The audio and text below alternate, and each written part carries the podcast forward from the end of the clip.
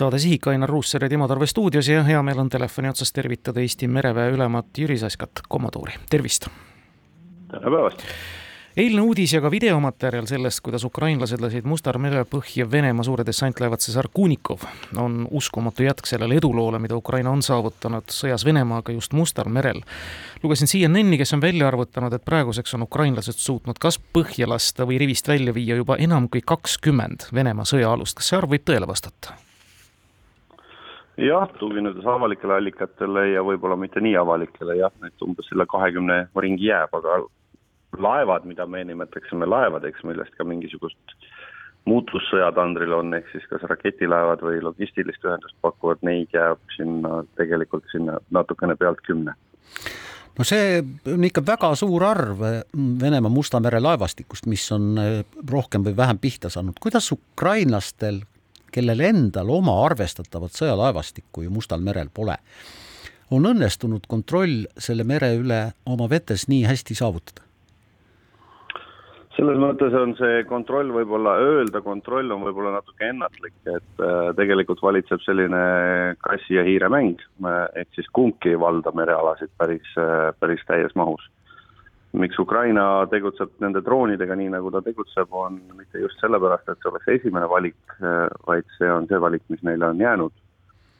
ja näiteks, mida droonidega ei lahenda, on ju venelaste õhuüleolek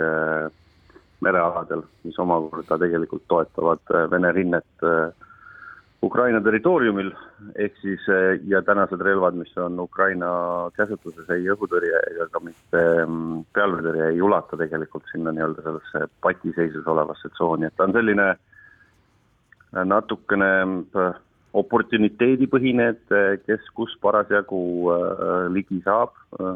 aga kahtlemata on Musta merel liikumisvabadus Vene mereväel äh, oluliselt häiritud ja iga päevaga järjest raskem no vaatlejad toovad välja, et venelastel on just mereväes erakordselt suur mahajäämus võrreldes nüüd siin Lääne ja Ukrainaga, noh, ma ei tea, kas päris sekstandiga seal laevu veel juhitakse, aga tehnoloogias ikka ollakse päris kaugel sellest, mis on nagu muu maailmale kättesaadav. Või me alahindame siin venelasi? ma arvan, et me pigem ikkagi nii üht kui teist, aga kindlasti ka alahindame, sest on, oleks petlik arvata, et venelaste merevägi ei ole jätkuvasti võitlusvõimeline, lihtsalt täna see, mis neil puudu on näiteks ja Moskva näol, on orgaaniline õhutõrjevõimekus äh, merel, mis siis pakuks katet äh, raketilaevadele. ja sellepärast ka raketilaevad ei saa tegelikult vabalt tegutseda, kahtlemata on seal miinioht, aga see on natukene mõlemalt poolt aga et öelda, et Vene merevägi on ilmselges mahajäämuses, noh, siis võiks ju öelda, et aga kuidas siis Ukraina saab merelaste vastu, kellel üldse laeva pole? Äh, jah, uudiseid jälgides tundub, et äh,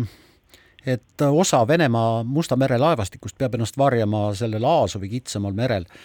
seda on neil loomulikult raske seedida, aga kas teie oskate öelda, kuidas nad seda oma rahvale põhjendavad ja neid märgilise, märgiliste nimedega laevade põhjaminekuid samamoodi?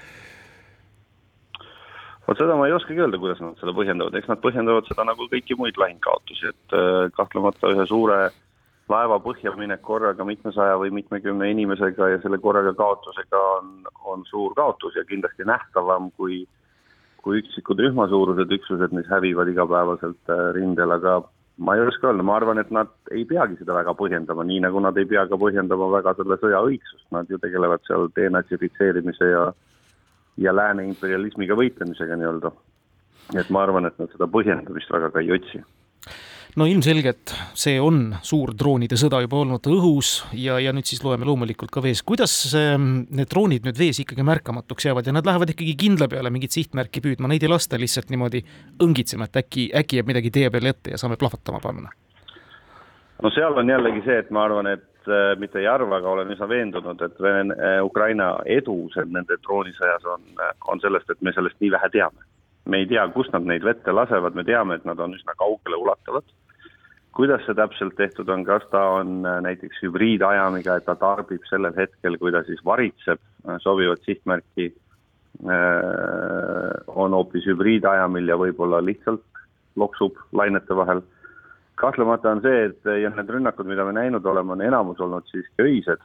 et kui selline võimalikult madala profiiliga, ehk siis sellel paadil võib öelda, mis on viie-kuue meetri pikkune, puudub sisuliselt äh, horisontaalne pind või vertikaalne pind, mis peegeldaks tagasi radaritelt ja radaritel vähegi lainete vahel ta ei ole tõenäoliselt avastatav. tema soojuspilt on, kui üldse, on väga madal ja olematu, ehk siis sa ei näe teda termokaameraga ilmtingimata, millega Vene alused vähemasti varasematel ei ole ka väga hästi varustatud olnud. et see on üks, kuidas nüüd seda nii-öelda inimkeeli öelda, väike vastik vaenlane mees, keda sa ei näe ja ma arvan, et et see on väga raske ka avastada lääne tehnoloogial, eriti kui sul ei ole võimekust lennata endal, enda ümber, nii nagu venelastel täna pole, hoida üleval infopunakaameratega helikoptereid või lennuvahendeid või muid seirevahendeid, millega sa võiks neid avastada. aga see, et nad nii kaugele ulatavad, see tähendab seda, et või nii kaugel on, noh, see ei saa olla niimoodi, et esmaspäeva hommikul tekib mõte, et esmaspäeva lõunaks võiks jõuda see Vene laev sinna ja siis see minu droon on ühtäkki viiekesi kaheksasaja kilomeetri kaugusel. meie kui Venemaa naabruses olev mereriik jagame Venemaaga ühist merepiiri. mida merevägi sellest Ukraina sõjast õppinud on, meie merevägi? meie merevägi on õppinud seda, et me oleme teinud õiged valikud, et äh, miin on vägagi relevantne relv, millega saab äh, suhteliselt soodsalt äh, kuidas ma ütlen siis, kujundada geograafiat, ehk siis suunata vastast või piirata vastast. ja pealveerelv on see, mis hoiab ära selle, et, et vaenlane või vastane saaks tulla siis meie miinivälja üles korjama. ehk siis ma arvan, et me oleme teinud õigeid valikuid, kahtlemata on meil palju veel teha, seda nii üksi kui liitlastega aga meie valikuid kinnitab see edu, mida vähemasti saab siis Ukrainat esimestel päevadel või esimestel nädalatel mis võttis igaluse, igasuguse isu ja imu äh, venelastel minna